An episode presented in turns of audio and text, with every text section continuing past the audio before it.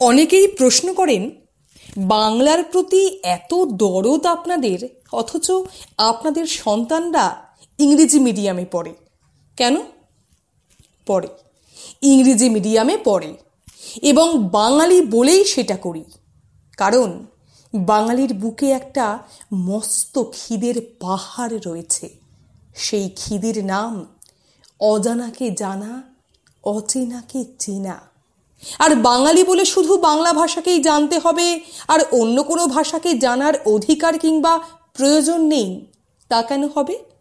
বাঙালিরাই পারে অন্যের ভাষাকেও নিজের বুকে আঁকড়ে ধরতে সস্নেহে তাকে লালন করতে। এই সহনশীলতা বাঙালি জাতির মধ্যে প্রবল। বাংলা আমার বুকের ভেতর, বাংলা আমার মনে। বাংলা আমার জোয়ার ভাটায়, বাংলা শিহরণে। এ আমার একান্ত উপলব্ধি। ইংরেজি মিডিয়ামে পড়লেও ক্লাস টু থেকে একসাথে চারটি ল্যাঙ্গুয়েজ একসাথে বাধ্যতামূলক পড়া সত্ত্বেও আমাদের সন্তানদের প্রিয় বিষয় কিন্তু বাংলা হয়।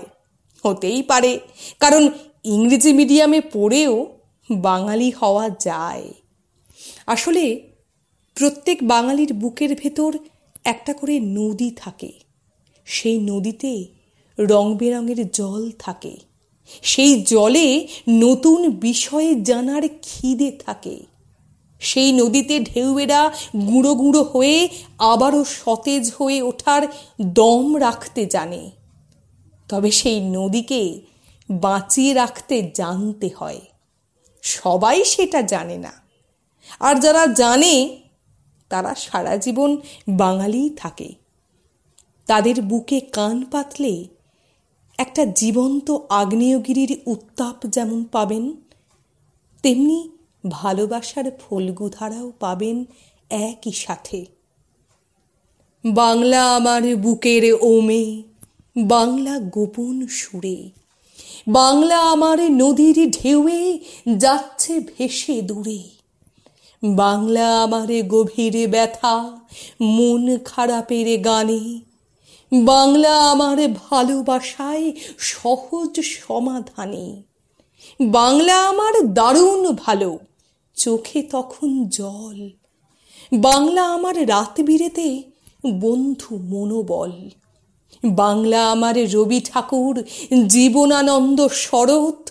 বাংলা আমার ভীষণ সুখেও বাঁধা ধরা গত আমাদের দাদা সৌরভ গাঙ্গুলি, তিনি কিন্তু জেভিয়ার্সে পড়ে সারা জীবন বিদেশে কাটিয়েও খাঁটি বাঙালি। এই অনুভূতি সম্পূর্ণ অন্তর থেকে নিঃসৃত হয়। বাবা মায়ের অন্তর বাংলা প্রেমী বাংলা কাঙাল হলে সন্তানরা বাঙালি হবেই। বাংলা আমার নিঝুম রাতে, অষ্টাদশী মুখ। বাংলা আমার চাঁদের ভাঁজে, নিপুণ মস্ত সুখ। বাংলা আমার আগেও যেমন, তেমনি আজও আছে। বাংলা আমার বুকের ক্ষতের মলম আমার কাছে। আমার বাংলা শুধুই আমার। হঠায় সকল কালো। বাংলা মানে বাংলা ভাষা, আধারে দেয় আলো। বাংলা মানে বাংলা ভাষা, আধারে দেয় আলো।